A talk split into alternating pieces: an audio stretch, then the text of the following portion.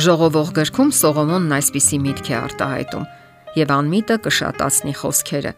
թե իրենից հետո ինչ է լինելու, ով կարող է հայտնել նրան։ Հոգևոր կյանքը կարելի է համարել որոնումների կյանք։ Մարդը սիրում է որոնել ու գտնել։ Նա երբեմն խարխափում է, երբեմն քայլում ցերեկվա լույսի մեջ, երբեմն անկում է ապրում, երբեմն բացահայտում կարևոր ճշմարտություններ։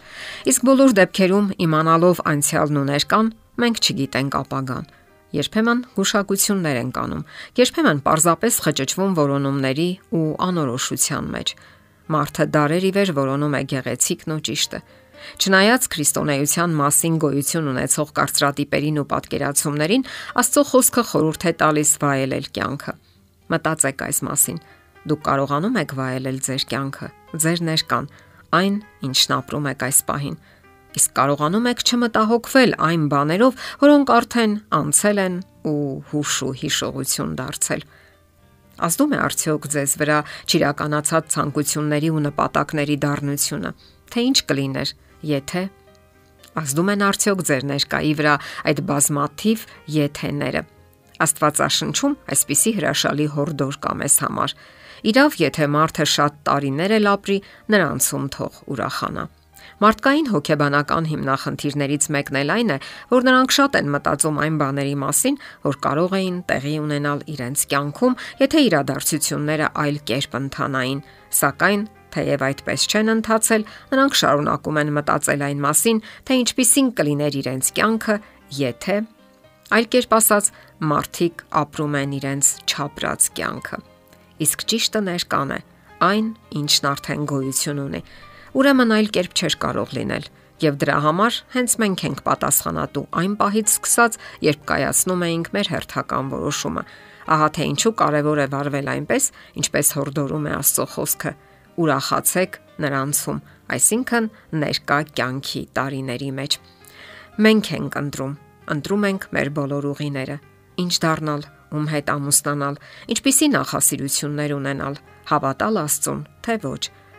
Եվ եթե արդեն կայացրել ենք որոշումն ու գնացել առաջ, ապա իզուր են հետագա մտմտուքները ինչ կլիներ, եթե այլ կերպ վարվեի։ Պարզապես անհրաժեշտ է մտածել մեր ընտրության հետևանքների մասին, որpիսի այդ հետևանքները լինեն դրական ու բավարարող, որpիսի մենք երջանիկ լինենք եւ քիչ տրվենք խոհա իմաստասիրական այնպիսի մտմտուքների, որոնցից միայն սթրես ենք ապրում եւ կամ ընկնում ենք դեպրեսիայի մեջ։ Իսկ լավագույն ճանապարհը որը դեպի նպատակակետ է տանում, դա Աստծուն ապավինելու եւ մեր ուղին ամեն պահի նրան հանձնելու որոշումն է։ Բոլորն են վախենում եւ տատանվում ընտրություն կատարելիս, սակայն հիշենք, որ մենք միայն մեկ ուղի ունենք, իսկ վախը չպետք է խանգարի մեր ընտրությանը։ Մեր ցանկությունները, երազանքները, պատրանքները մեր կյանքի հիմնական գործոններն են որոնց վրա կառուցում ենք թե ներկան, թե ապագան, սակայն ոչ երբեք անցյալը։ Սխալ որոշումներն ընդհանրապես կարող են դաս լինել հետագայում այդպիսի սխալներ թույլ չտալու համար։ Եթե դուք տատանումների մեջ եք, Աստծուն հանձնեք ձեր ընտրությունը։ Իմաստություն խնդրեք նրանից։ Աստծո խոսքն ու աղոթքը լավագույն ուղեցույցներն են։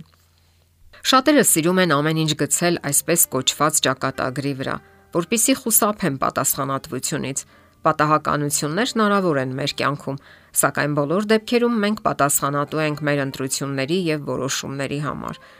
Գոյություն ունեն ավելի իրական գործոններ՝ Աստված եւ տիեզերական մեծ պայքար երկիր մոլորակի վրա։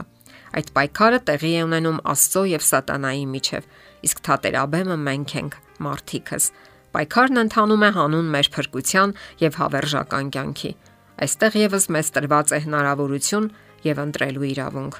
Ընտրել կյանքը Աստծո հետ կամ մերժել նրան։ Երբեմն կարելի է հետ նայել, հասկանալ մեր ընտրության հետևանքները եւ ընդունելով սխալները դասեր քաղել։ Դա միայն կօգնի առաջ ընթանալու ավելի ճիշտ քայլերով։ Երբ մարդը կարողանում է ընդունել իր սխալները եւ այլևս դրանք չկրկնել, խոսում է այն մասին, որ նա ճիշտ ճանապարհի վրա է եւ երջանկությունն էլ 7 սարերի հետևում չէ եւ հարկավոր է միշտ նայել առաջ, այլ ոչ թե հետ։ Պատկերացրեք, թե ինչ ենք ցանկանում կյանքից եւ ինչպես պետք է ապրել երջանիկ լինելու համար։ Այս դեպքում եւս, ինչպես միշտ, հարկավոր է դիմել Աստծուն։ որոնել նրան։ Ինչպես նրա խոսքն է ասում, դուք ինձ կորոնեք եւ կգտնեք, որովհետեւ ինձ կխնդրեք ձեր բոլոր սրտով եւ ես կգտնվեմ ձեզ համար։